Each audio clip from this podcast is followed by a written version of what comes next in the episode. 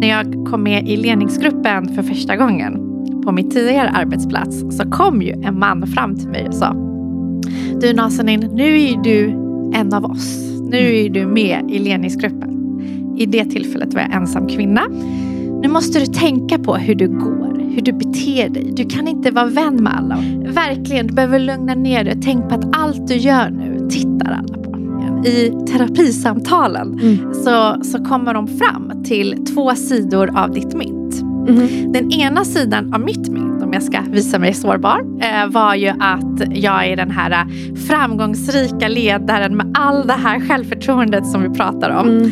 Och sen den andra sidan av min mynt är att jag inte känner att jag platsar in. Att, att jag känner att jag måste igen bevisa mig själv. Mm. Igen eh, legitimera att jag är här av en anledning. Ja, just det som Nazanin beskriver här. Det tror jag många känner igen sig i. Så hur hanterar man egentligen den där känslan av att man ständigt behöver bevisa sig i de rum man befinner sig i? Ja, hon har jobbat en del med de här sakerna hos sig själv. Och vi pratar en del om det i veckans avsnitt. Om att gå ifrån att bara ha ett bra självförtroende till att också ha en bra självkänsla. Men vi pratar också om att äga sin egen tid. Något hon var tvungen att lära sig och något som blev tydligt för henne att det var viktigt när hon fick sitt barn. Då blev faktiskt många saker tydliga för henne. Och på vilket sätt Ja, det får ni höra i det här avsnittet. Och innan vi drar igång avsnittet så är det den här veckan två saker jag vill prata om. För det första så vill jag precis som vanligt tacka Excitec som sponsrar podden och därmed gör att jag kan fortsätta att producera den. Och vet ni att den 18 november i år, ja då har jag gjort det i fyra år. Det har varit de absolut mest lärorika, känslomässiga, utvecklande och framför allt de bästa åren i mitt liv. Och de här åren, ja de hade ju inte varit möjliga utan alla er som lyssnar. Och i år, ja då tänker jag att vi verkligen ska fira poddens årsdag. Och vi ska göra det med en gala. Under den här galan så kommer vi såklart hylla förebilder. Men det kommer också bjudas på en show bestående av Bianca Kronlöf, Tensta Gospel Choir och Ken Akter. Ja, det är helt enkelt en kväll som ni inte vill missa. Och jag skulle bli så otroligt glad om ni vill dela den med mig.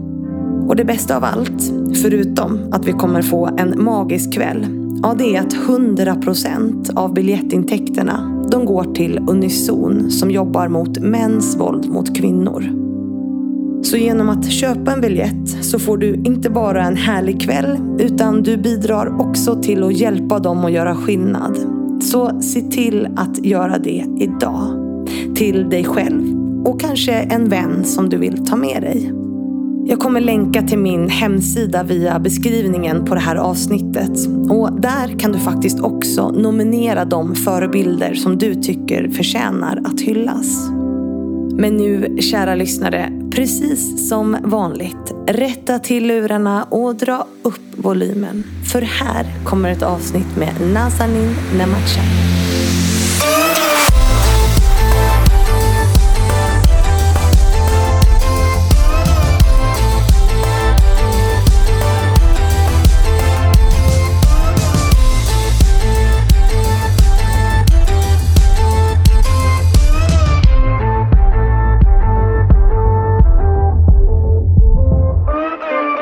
Vi hej och varmt välkommen till Nazanin Nemachai. Hej! Nu sa jag rätt. Du sa rätt. Snyggt. Det är inte enkelt. Nej, men eh, det är inte enkelt heller. För med Sanna Martin som var så sa jag Sanna Martin. För jag tänkte att hon var släkt med Ricky Martin. Så Just det. lite hur man läser in namn och hur man, hur man tolkar dem. Ja, du jag har hört allt från eh, mandarin, nassarin. Jag har ja. hört alla olika typer av namn.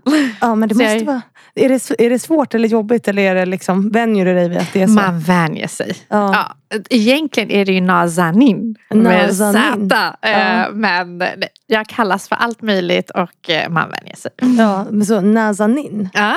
Ja, du ser. Exakt, det persiska. Det persiska. Ja. Jättekul att ha dig här. Alltså, vi sa det när du kom, eh, att det är lite märkligt att vi liksom inte har sett innan.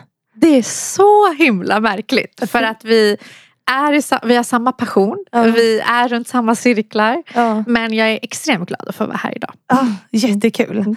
Eh, Och du ska ju precis som alla andra gäster få inleda med att presentera dig själv. Vem är Nazanin? Eller Nazanin? Nazanin, ja.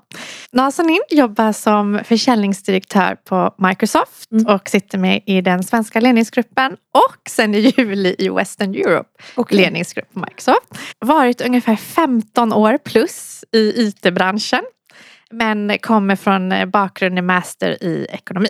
Mm. Persiskt ursprung.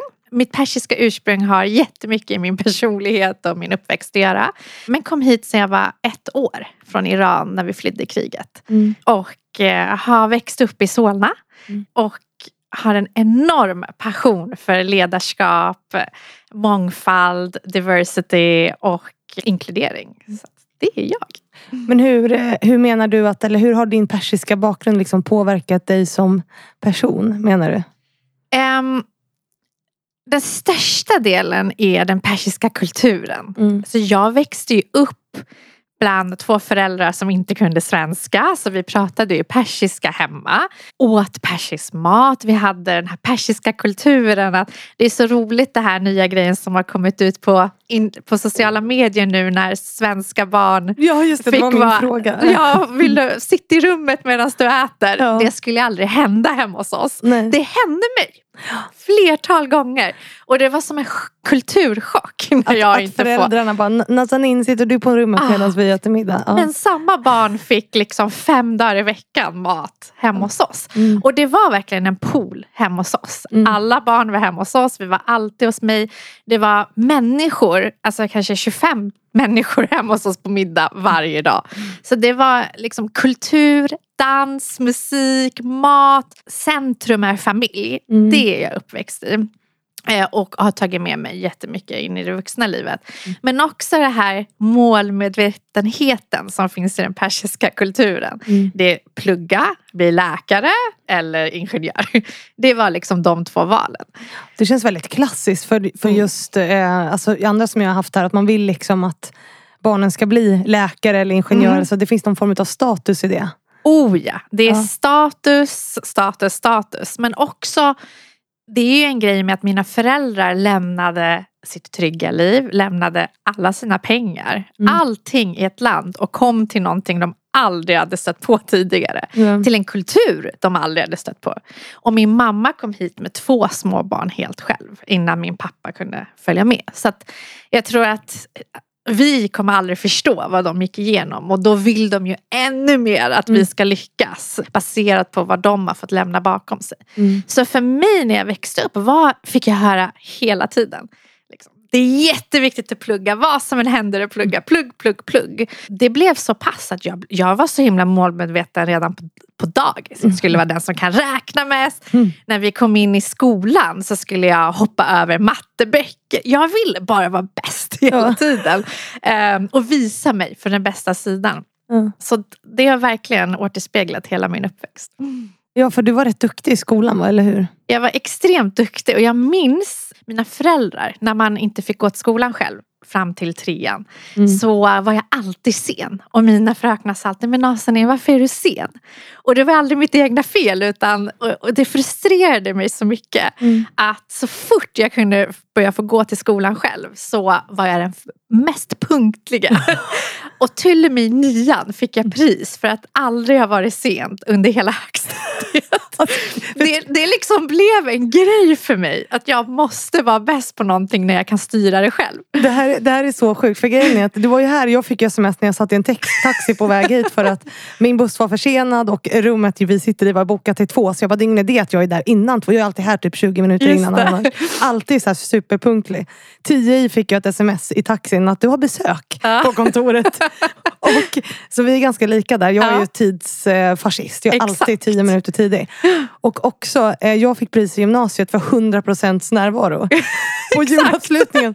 Och jag bara yes! Ja, ja, ja det är samma bara, här. Och alla bara, gud vilken nörd. Alltså hon är så töntig. För jag blev så glad Ja, ja, över ja. 100% snarare. Förlåt, det var bara väldigt roligt. Och det roliga med det är att jag var den där stolta nörden. Ja. Och men min umgäck, de jag hängde med och de som var runt mig var ju motsatsen till mig.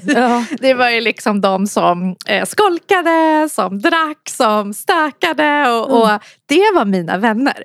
Men jag hade någon sån självförtroende i att kunna vara mig själv redan då. Mm. Samtidigt som jag ville hänga med de här människorna. Det var mina vänner, jag hade roligt med dem, vi dansade i samma dansgrupp. Alltså det var ju någonting, egentligen när jag tänker tillbaks på det, förstår jag min mammas rädsla av att de personerna som kommer upp i föräldramöten är mina vänner. Men jag var helt bestämd. Men de här har min rygg och jag klarar mig. Jag var extremt målmedveten och självsäker i vem jag är redan då.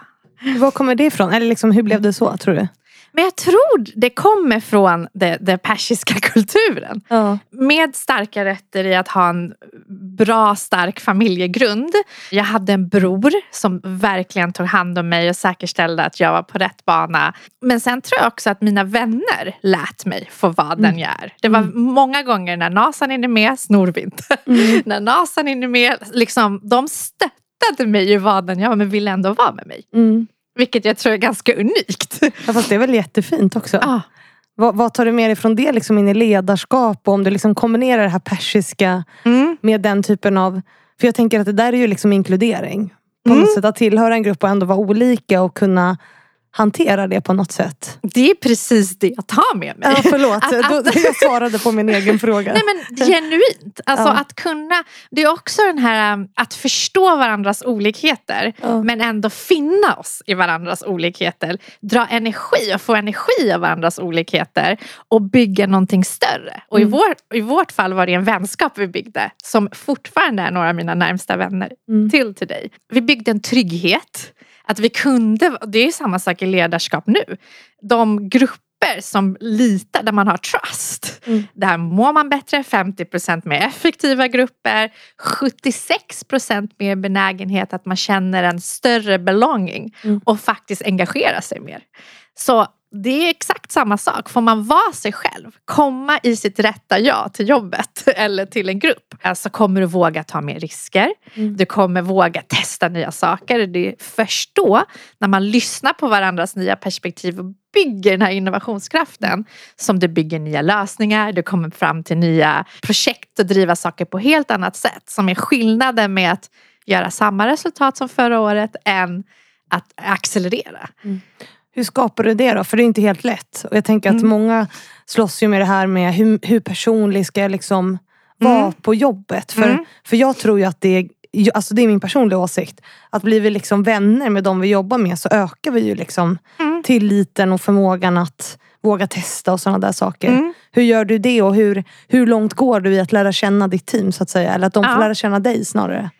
Ja, det är en jättebra fråga. Jag vill dela upp den i två. Ja. Den, den första delen är att, ett exempel. Jag är ju extremt personlig i mitt ledarskap. Och vad jag menar med det, jag kan ge ett exempel. En gång per år brukar jag ta mitt team hem till mina föräldrar och testa på hemmalagad persisk mat. Och kan du inte bjuda med mig? Självklart! Bara ett exempel på hur mycket jag bjuder in, in till min kultur, in till mig. Och, och, och på det så desto mer jag visar mig sårbar, desto mer jag visar mig själv, lovar jag dig att ditt team och de under dig och de vid dig som jobbar med dig kommer göra likadant. Mm. Och det skapar ju den här tilliten, den här transparensen.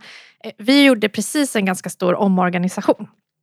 Och i den här omorganisationen kan man välja antingen att vara helt tyst och följa hierarkin eller vara helt transparent med vad man tänker och tycker. Mm. Jag satte mig ner och sa det här är vad jag tycker är bra med den här omorganisationen. Det här är vad jag ser riskerna. Mm. Hur löser vi tillsammans att vi kan brygga de här riskerna och göra dem till möjligheter? Mm. Så istället för att sitta och låtsas som att allt är jättebra hörni, nu går vi på det här. Så tog jag upp elefanten i rummet och sa det här är vad jag ser. Vad ser vi? Vad gör vi? Så hade vi en tvådags, alltså heldags workshop där vi diskuterade just de här ämnena. Och det gör ju att man då vågar dela med sig själv vad man känner i de här områdena och bygger det här förtroendet där man vågar sen testa och, och ta fler risker. Mm. När jag kom med i ledningsgruppen för första gången på mitt tidigare arbetsplats så kom ju en man fram till mig och sa Du Nazanin, nu är du en av oss. Nu är du med i ledningsgruppen. I det tillfället var jag ensam kvinna. Mm. Den andra enda kvinnan hade slutat.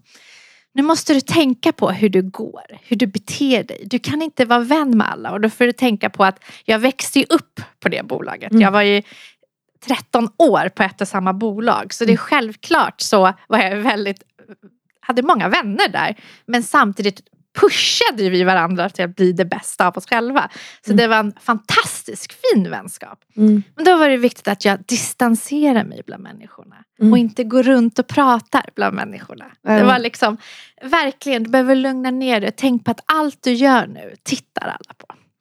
Och det var ju exakt det jag gjorde. Så under en hel veckas gång tänkte jag på det här, lyssnade, tog in det. Mm. Började gå sakta, slutade stanna vid kaffemaskinen när alla andra drack kaffe. Och bara liksom gick in i mina möten. Då kom det efter en vecka en av mina, en, en av mina teammedlemmar fram till mig och sa Du Nazanin, har det hänt någonting den här veckan? Han tror ju genuint att något hemskt har hänt och att jag, han kunde ju genomskåda att jag inte är mig själv. Mm. Och från den dagen lärde jag mig, jag ska alltid vara mig själv. Det spelar ingen roll vilken titel jag har, vilken ledningsgrupp jag sitter i. Självklart ska man utvecklas och hitta nya sätt som man leder och situationsanpassa sitt ledarskap. Men ta aldrig bort kåren av dig själv. Mm. Och det var lite det han bad mig göra. Var en av dem. Nej, jag är invald här för att skapa en ny förändring i den här gruppen. Komma med nya perspektiv. Och att vara sig själv var definitivt en av mina perspektiv. Och du var väl också ensam, ja du sa det, du var ensam kvinna för den andra kvinnan hade lämnat. Ja, precis. Också en väldigt mansdominerad bransch som ju är IT-branschen. Ja, Som vi båda, eh, jag är inte verksam inom IT-branschen längre. eh, Nej. Förutom att jag ju har ett ganska stort nätverk inom den branschen. mm. Men det är ju en tuff bransch för kvinnor. Det är en tuff bransch för kvinnor och många företag inom de här branscherna, inom IT-branschen, Mm. satsar ju nu på att få in fler kvinnor och det tycker jag är en fantastisk grej. Problematiken dock, det tillvägagångssättet man Mm. gör, är att man tar in många kvinnor i entry level positioner. Mm. Det vill säga i nystartade positioner eller, eller som innesäljare eller verkligen är starten av ens karriär. Vilket också behövs för vi Mm. måste bygga upp underifrån. Men sen tar det stopp. Och Mm. det jag tror att man behöver göra förutom att anställa fler kvinnor in till entry level som också får utvecklas med företaget. Så behöver man också satsa på att få in kvinnor i ledande positioner. Mm. För det som hände i det bolaget till exempel är att vi fick in hur mycket kvinnor som helst. Men de beslut som tas var fortfarande majoriteten av män. Ja. Och då blir det svårare att driva igenom de typer av förändringar som behövs när man driver modernt ledarskap som oftast har kvinnoliknande egenskaper. Så jag tror att man måste adressera från två håll. Man måste få in, våga chansa på till exempel min förra chef Stefan som du också känner, Alariksson. Mm. Han chansade ju på att ge mig många positioner som jag absolut inte var redo för. Men som han visste jag skulle vara jätteframgångsrik på. Med rätt hjälp, med, med rätt ledarskap och med rätt mentorskap. Mm. Så att jag tror att fler ledningsgrupper där ute behöver satsa på att bygga fler kvinnliga ledare Mm. och våga chansa på att få in dem externt ifrån men också våga chansa på några internt som får den rollen mycket, mycket tidigare.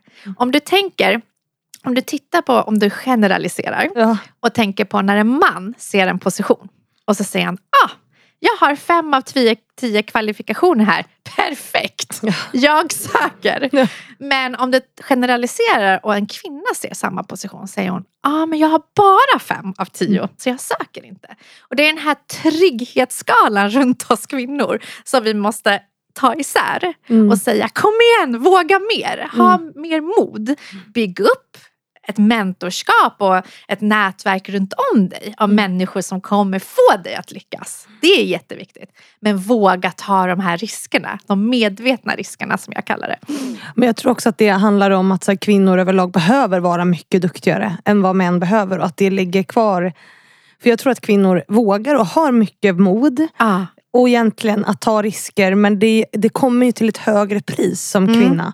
Och du, du behöver ju vara bättre. Alltså Mm. det, det visar ju studier. Kvinnor behöver vara bättre, gör, Mm. visa på mer resultat än vad män behöver. Mm. Och jag tänker att det har ju du också beskrivit att du upplevt att du har behövt göra. Duktig flicka-syndromet kallar jag det. Och som tvingas på många av oss. 100 procent. Och det kommer redan från skolan minns jag.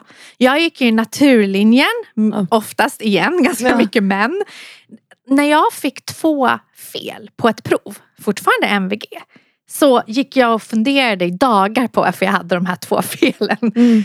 Det är egentligen helt sjukt hur man ska säga, kodas in i det här tänket redan i den åldern. Mm. Och när man kommer in i IT-branschen, alltså jag kände ju exakt samma sak. Det gick ju så långt att jag var gravid, spydde flera timmar, flera gånger i timmen. Mm. Ändå gick till jobbet och skulle show up Mm. och var mitt bästa. Det är inte okej. Jag har lärt mig extremt mycket att fortsätta med det här duktig flicka-syndromet. Det hjälper bara andra, det hjälper inte mig. Mm. Och i slutändan kommer jag inte ens hjälpa andra om inte jag håller. Så jag har blivit extremt noga med att äga min egna tid. Mm. Göra det jag gillar mer av. Det jag är passionerad över, det säger jag ja till. Mm. Det jag tror kommer gynna mig och mitt team säger jag ja till. Resten kan jag delegera bort. Mm. Om jag mår dåligt, mår jag dåligt. Jag visar mig sårbar istället och säger jag mår dåligt just nu. Det här och det här har hänt. Kan någon annan steppa in istället för mig? Mm. det tror jag skapar ett ännu större förtroende i en grupp när man istället då tar hjälp av andra, empower sitt team att Mm. komma och steppa in istället för äga och kontrollera och göra allting själv. Har jag märkt. Ja, men för de här insikterna kom du väl mest till när du, när du var gravid och också när du fick ditt barn, eller hur? Att det var svårt för dig att liksom få ihop det här som vi kallar work-life balance. Ja. Och något som jag tror, du hörde mitt ord. Eh, Det är därför jag inte har några barn. och inte vill ha heller. på.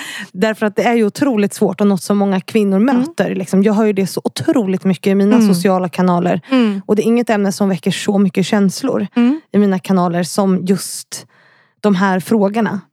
Och vad var det liksom för dig som fick dig att vakna upp där när du fick, var gravid och fick barn?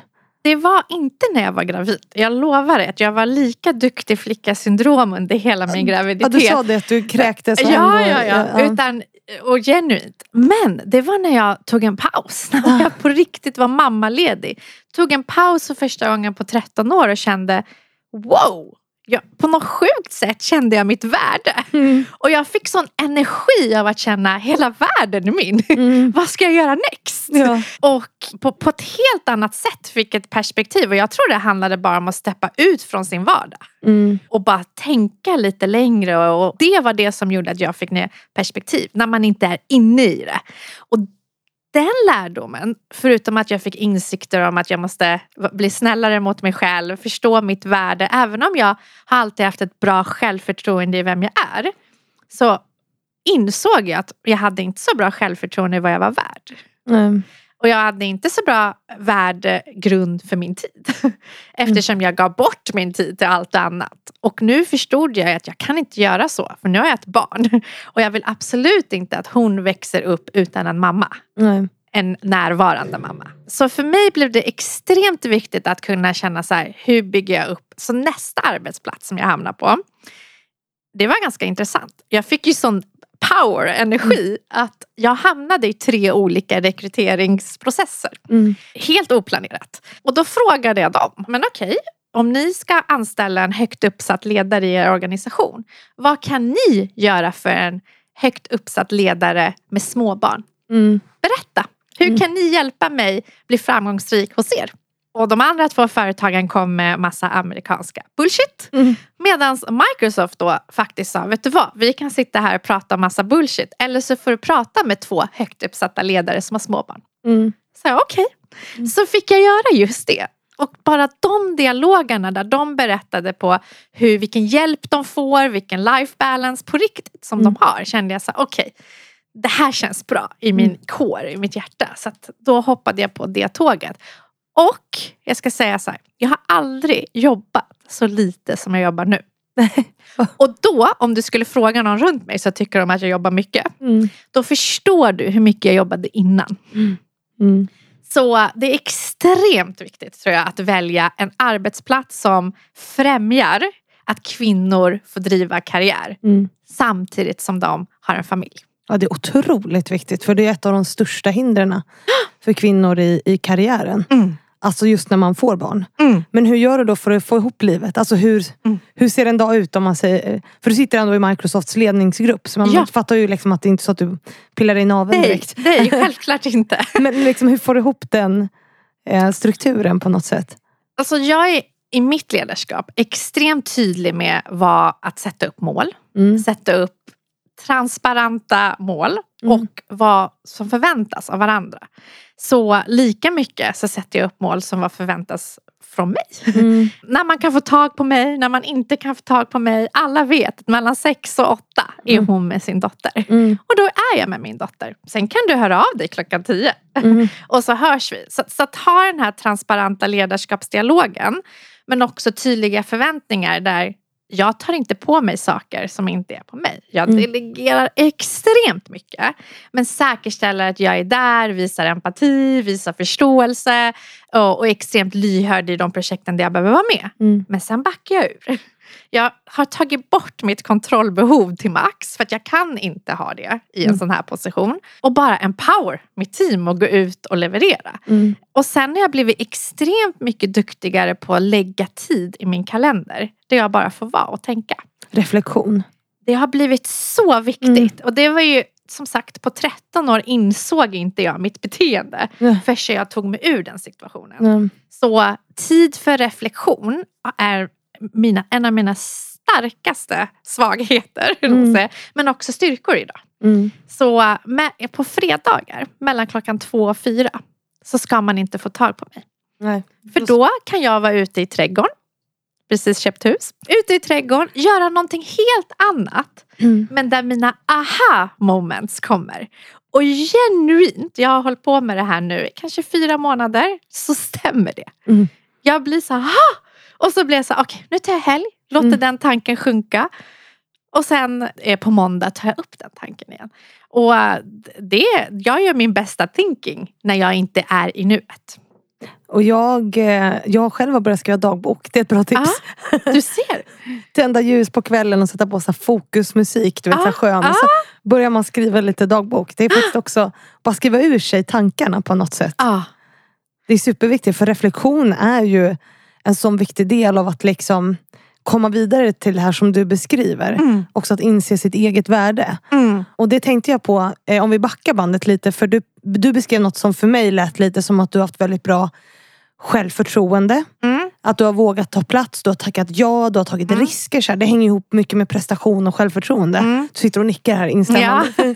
Men att du inte insåg ditt eget värde, alltså att du kanske inte hade jättebra självkänsla. Nej, Det är skillnad på det. det Liksom. är en stor skillnad på det. Och det är därför jag också, vi pratade om det, jag gick i ett program som heter Women for Leaders. mm, fantastiska Eva, Karriärpodden. Fantastiska Eva med Karriärpodden. Men det här programmet, genuint, det är liksom 15 kvinnor tror jag vi Mm. var.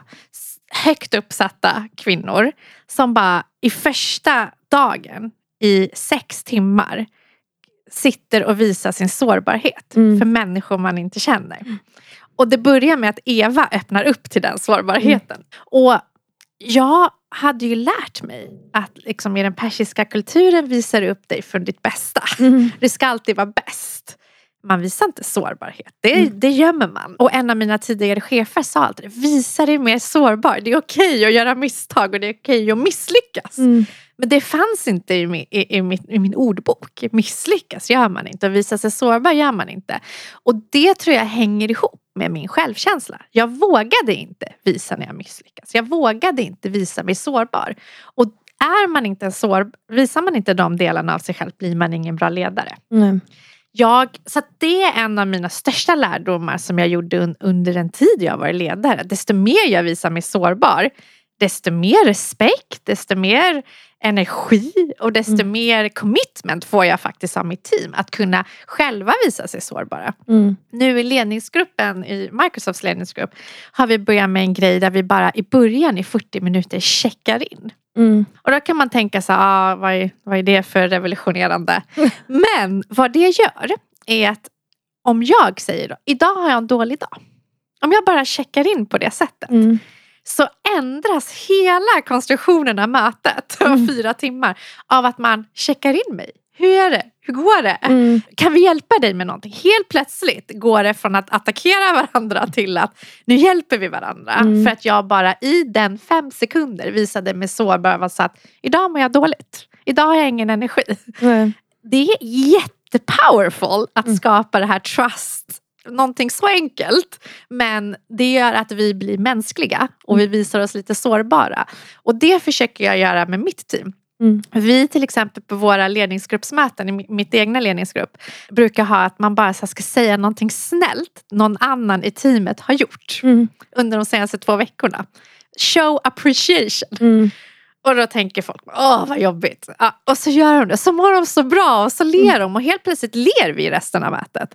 Det är en så enkel liten grej men som skiftar hela eh, atmosfären av resterande möte. Och det tror jag, de här små sakerna, att man visar sig lite sårbar. Liten bit, liten bit kommer skapa eh, det här förtroendet att man öppnar upp och vågar berätta för varandra när man misslyckas och på så sätt hitta nya sätt för att lyckas.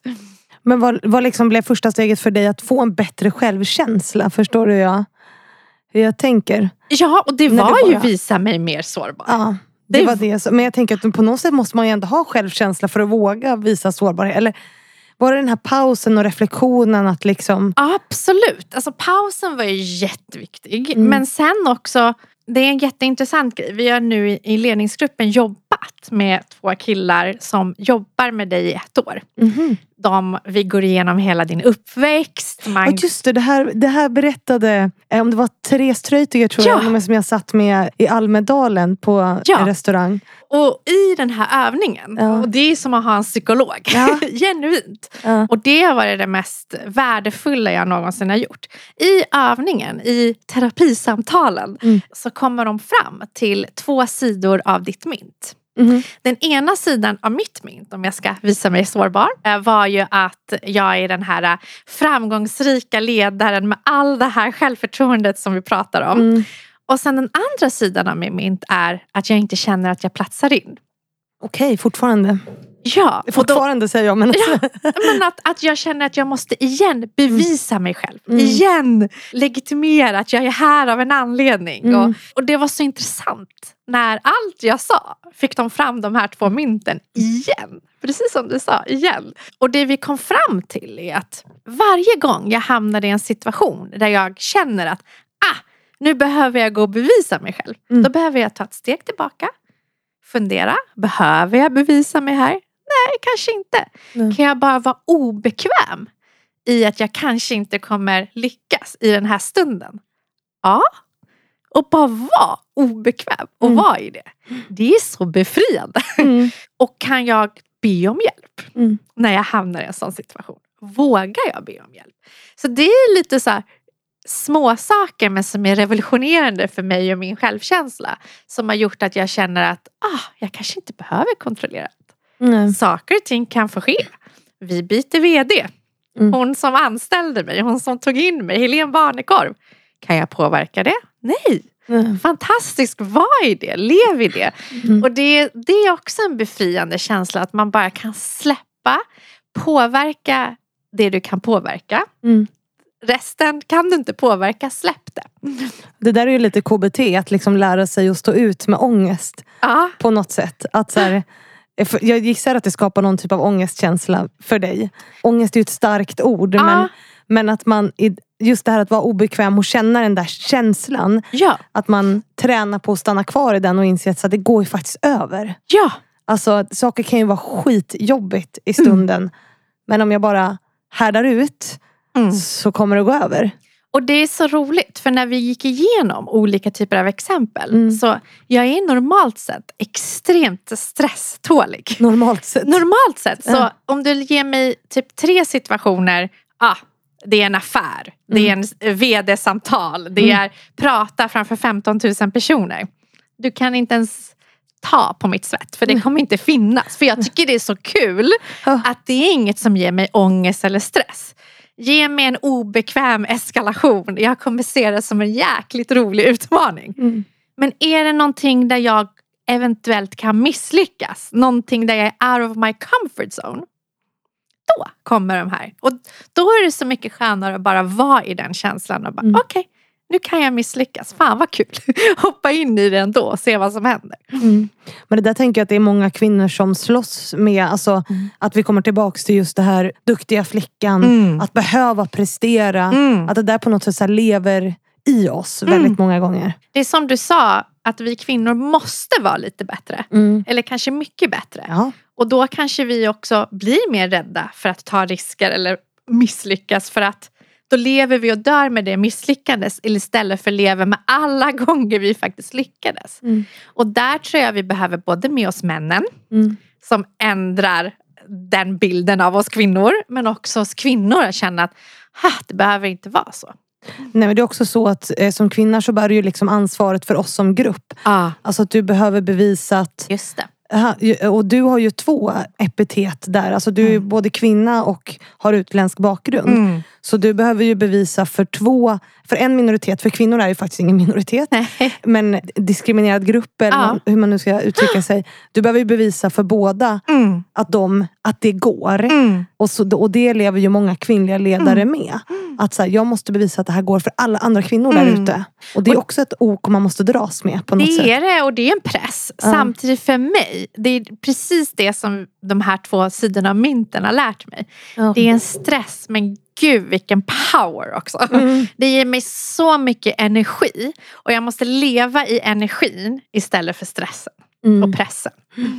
Men var kommer den här passionen för jämställdhet ifrån för dig? För det känns som att du, du började med det tidigt. Alltså redan på Dell när du var där. Mm. Och det är väl då 15 år sedan kanske eller någonting Ja sånt? precis. Nej, men för mig kommer det tillbaka att jag var ensam tjej Ja. Mm. Inom sälj när jag Mm. började på Dell. Så jag kom in i en atmosfär som var extremt grabbig. Mm. Dessutom amerikanskt bolag. Som Ah. är, de är ju väldigt hierarkiska och Oh ja. oftast. Oh ja. Trots att Nej, det är men så Sverige. är det ju. Samtidigt så kände jag ju direkt att IT-branschen håller ju på att revolutioneras. Mm. Så från att vara det här transaktionella säljbolaget så märkte jag, och jag jobbade med HANT, du vet det svåraste Mm. när kunder som inte köper av oss idag. Och det jag märkte är att det jag lyckades med, som många inte andra lyckades med, var att förstå mig genuint på kunden. Mm. Jag var noll teknisk. Men jag lyckades extremt bra att vinna nya stora globala kunder. Men hur gjorde du det? Du- Okej, vi ska gå vidare till... För det är intressant, för det tänker jag är något vi kan applicera på även jämställdhetsarbete. Oh ja! Ja. Och, det, och det, det är precis det vi Ja. kan applicera. För det jag märkte var att det jag var duktig på är att ha ett genuint intresse för kunden. Mm. Jag läste på om deras bransch. Om Mm. jag hade en kund i eh, finansbranschen, vilket var en jättestor kund som jag höll på att vinna eh, och vann, var ju att jag läste mig på allt om deras bransch. Jag la ner extremt mycket tid och pratade med olika personer i rummet. Mm. Och vad jag menar med det, jag var orädd. Jag ringde CIO till CTO men också satt och pratade med IT-tekniker. Mm. För att förstå vad händer och se vilka problem har ni? Och få en genomgående bild av vad som händer hos företaget och hur vi kan hjälpa till. Sen ganska snabbt kunde jag koppla ihop deras problem med rätt personer internt hos oss som kunde lösa det. Och sen få in det här informella ledarskapet, att få de bästa på mitt företag och vilja jobba med mina kunder och sen driva projektet framåt. Om du tänker på det, lyhörd, lyssna, samarbeta i stora virtuella team, också informellt ledarskap. Det är ganska mycket kvinnolikande egenskaper om jag generaliserar. Medan många andra runt mig, de var ju mer pitch, pitch, pitch. Lyssnade inte så mycket, gick vidare till nästa och la inte den här tiden som jag la ner. Vilket gjorde att efter ett år så vann ju jag de här stora kunderna för att jag la ner den tiden. Jag var också, också extremt ödmjuk mot kunden samtidigt som jag vågade utmana dem extremt mycket i deras tänkande. Inte på ett tekniskt sätt igen, men från ett ekonomiskt sätt, för jag var ju ekonom. Och äh, då kände jag så här, men gud, jag har ju hittat någonting som är framgångsrikt här. Och det liknar väldigt mycket kvinnoliknande egenskaper. Varför får vi inte in fler kvinnor som vill göra det här? Mm. De skulle vara jätteframgångsrika. Så det var där jämställdhetsfrågan började för mig. Det var egentligen från ett kundperspektiv. Hur blir vi mer customer obsessed? Och på den resan så gick jag till då vår, vår nya vd som då var Stefan Alriksson och sa vi måste få in fler kvinnor. Jag har hittat ett koncept här. Men vi behöver få fler, vi behöver ändra sättet vi rekryterar. Jag trodde aldrig att det här var det jobbet jag skulle utföra. Men att genuint jobba med de här stora kunderna, genuint förstå sig på kunder, driva komplexa projekt. Det är ju mer projektledning än sälj. Du kallar det sälj. Sälj är ett jobbigt klingat ord. För mig är det en passion. Mm. För det, så, så vi måste ändra sättet vi får in de här kvinnorna som söker mer trygghet. Och då ändrade vi helt sättet vi, vi gjorde om annonserna. Och så fick vi ju såklart då in fler kvinnor. Jag tror jag rekryterade kvinna nummer två var min kompis. Ja, du ser. Tog in henne och sen så började vi jobba med de här frågorna. Och efter tre år så fick vi in en ganska stor massa kvinnor och då blev min passion nästa steg. På mina tre första år hade jag tio chefer. Mm. Tio chefer och där kände jag så här, okej, vi kan också göra någonting kring ledarskapet om vi vill att de här kvinnorna ska stanna. Ja, för det är ju avgörande. Och jag kommer ihåg själv hur jag behandlades jämfört med mina manliga kollegor. Glöm inte att jag hade vunnit alla de här affärerna, gjort alla de här revolutionerande grejerna. Och så fort jag sa, men nu är jag redo att faktiskt gå upp ett steg. Ja ah, men du kanske ska vänta. Alltså det var de här liksom. Men mina manliga eh, kollegor sa man inte så till. Då blev jag så här, äh, nu fick jag en extremt passion att vi måste ändra ledarskapet. För när vi får in de här kvinnorna, vi kommer tappa dem. Och då blir min nästa passion, hur kan vi faktiskt få in fler kvinnor i ledande positioner på det bolaget? Och blev ledare själv. Mm. Så jag måste ju förändra inifrån. Och började jobba med det förändringsledarskapet. Mm. Och hur gjorde ni det då? För det här är också en fråga från min sponsor Excitec. Mm. Vad gjorde ni, eller du då? Det är två saker. Jag, hade ju, jag pratade jättemycket om mångfald och inkludering. Men jag Mm. kände så här, har jag verkligen testat på själv Mm. hur det är? Jag brukade säga att det mest passionerande för mig var om man kan koppla ett inkluderande ledarskap med bättre resultat. Mm. Men hade jag någonsin testat det? Kunde jag bevisa det? Mm. Och samtidigt som det här skedde så fick jag chansen att bygga upp en helt ny organisation. Mm. Tänk dig en startup men med ett jättestort varumärke bakom dig. Den organisationen, jag skulle anställa 22 nya personer, en chef och, och ett teamlead också. Tog in kvinnliga, kvinnlig teamlead, kvinnlig chef och vi var 55% kvinnor i den här gruppen. Och jag tror 88% från olika nationaliteter Mm. än svensk kom från olika erfarenheter. Mm. Vissa hade tagit masters, vissa hade inte pluggat alls, vissa hade erfarenhet från IT-branschen, vissa inte. Till exempel anställde jag en från retail som skulle jobba mot retail. Ja. Och det är det här som, vi blev ju en, en jättedynamisk grupp Ja. med så många olika erfarenheter, så många olika perspektiv som skapade en enorm innovationskraft. Det var högt i tak Ja. liksom. Och den energin blev resultat. Mm. Det tog längre tid. Det tog mig åtta månader att anställa hela teamet. Mm. När det för andra tog kanske tre. Mm. Så i början fick jag liksom lite skit. Vad är människorna? För det tar längre tid att anställa kvinnor. Mm. Det tar längre tid att hitta den här poolen av fantastiska talanger som finns där ute. Men efter de här åtta månaderna och när vi hade jobbat ett år tillsammans som team så var vi det högst presterade landet i hela Western Europe. Och det visar att jag för första gången kunde visa att man kan koppla mångfald med bättre resultat. Men just det här att visa på goda exempel. Ja. Det är ju otroligt viktigt. Mm. Men det är ju inte alla som har den, liksom, vad ska man säga, ynnesten att liksom bygga ett nytt team från Nej. början. Nej. Och du har ju varit inne på det. Det här att liksom, absolut vi ska ta in mer kvinnor och trycka in, Mm. trycka in dem i IT-branschen. Eh, Nu gör jag sådana situationstecken. Eller i branscher överlag alltså, Ja. som är mansdominerade. Mm. Men det som, som jag ofta ser det är ju att man liksom tänker att då ska ju kvinnorna magiskt förändra kulturen också. Vi tar bara in Mm. fler kvinnor så Mm. blir det. Men, men det är ju inte kvinnorna som är största hindret för kulturen? Alltså Nej. hur, Så det är två saker där. Ja. Först och främst så måste man få med sig kvinnorna i kulturen. absolut. Och vad jag menar med det, det är tillbaka till det jag sa innan. Det kan inte bara vara kvinnor i entry level positioner. Nej. De måste in i ledande positioner som kan vara med i beslutsfattandet i alla fall. Men sen det viktigaste vi gjorde på det bolaget, vi fick med oss männen. Genuint fick vi med männen att sätta KPIer. Hur många kvinnor skulle de få med i sina ledningsgrupper och i sina team? Helt plötsligt fick vi dem att tänka annorlunda hur vi driver en kick-off. Ja. Helt plötsligt så blev det värderingsstyrt ledarskap som blev viktigare än den här hierarkiska know-it-all-kulturen som präglar amerikanska bolag. Och även det bolaget jag sitter på nu, vi, Microsoft, vi är ju 46 procent kvinnor i ledningsgruppen. Mm. I Western Europe ledningsgrupp 50 procent kvinnor. Mm. Hela bolaget, alltså ledningen i Sverige, 50 procent kvinnor. I hela bolaget inklusive alla anställda, 36 procent kvinnor. Mm. Jag menar, då har man lyckats uppifrån ner. Jag lovar dig, då föds en lärande kultur i bolaget. Vi kallar det growth mindset. Jag vet att Helene Barnekorv pratar extremt mycket kring det här lärande kultur.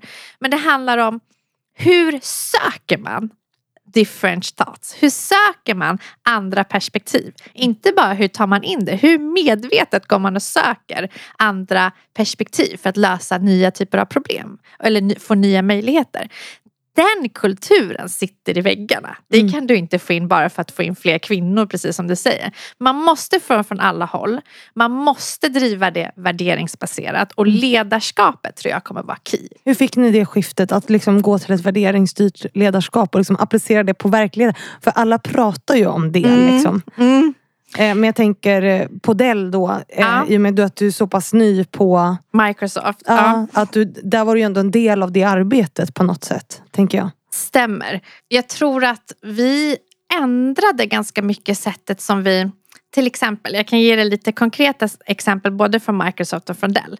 På Microsoft så var det, vi har gjort en extremt kulturförändring. Mm. Vi var ju kända för att vara det här hierarkiska know-it-all review företaget. Mm. Och när Satya, vår högsta vd, kom in 2006 gjorde han ju enorm kulturskifte för han märkte att den här kulturen som vi har i våra väggar kommer inte hjälpa oss att nå de nya typer av Mm. kunder, de nya resultat vi vill vi.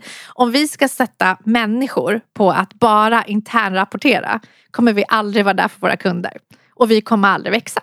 Så han gjorde en revolutionerande kulturförändring. Han ändrade värderingarna. Mm. Han satte in sektioner som hette så learning culture sessions. Mm. Där människor på golvet får föda in idéer upp till ledningen.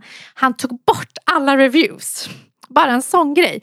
Och kallade den största och viktigaste värderingen customer obsessed. Mm. Hur är vi ute hos kund? Hur jobbar vi långsiktigt ute med kunderna?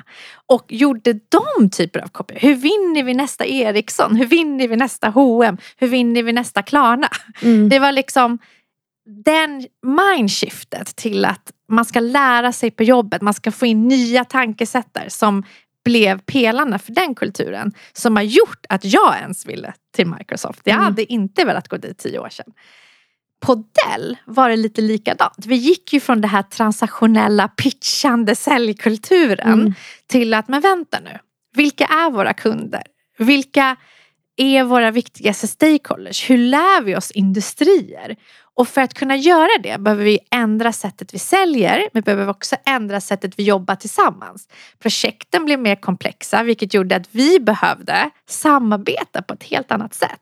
Den största skillnaden i kulturen där var att ensam är bäst byttes ut till vi vinner tillsammans. Mm. Så vi gjorde ju massa förändringsworkshop. Vi fick till och med byta ut personal som inte hade samma mindset som vi behövde för att komma in i framtiden. Mm. Och det förändringsarbetet där vi workshoppade med människor, vi satte nya värderingar, vi hade värderingsworkshops.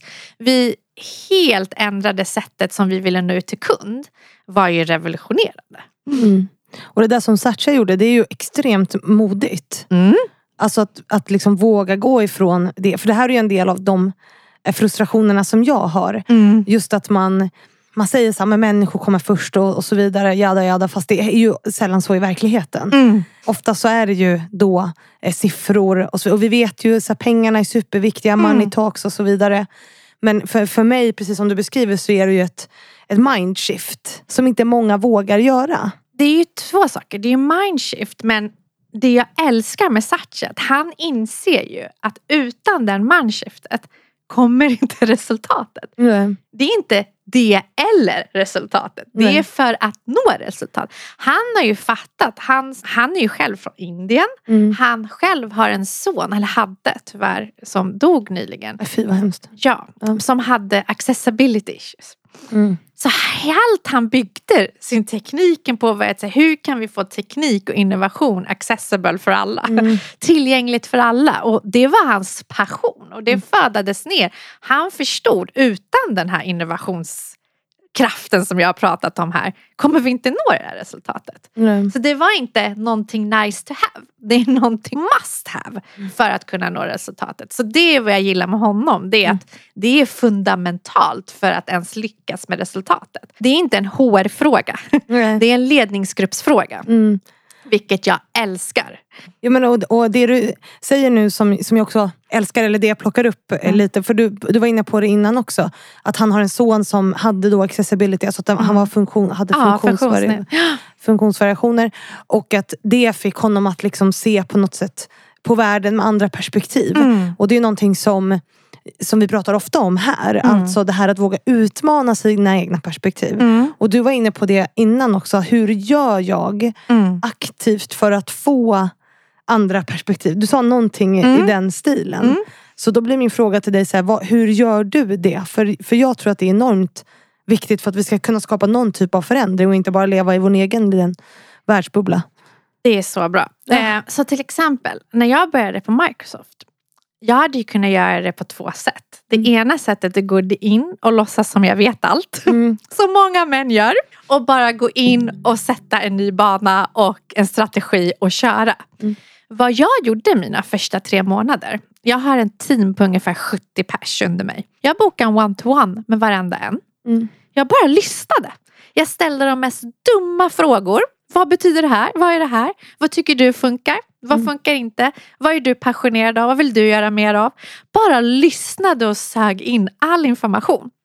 Och efter tre månader så lovar jag att jag visste mer än många människor som har suttit på det där bolaget i många, många år. Mm. Det var för att jag lyssnade.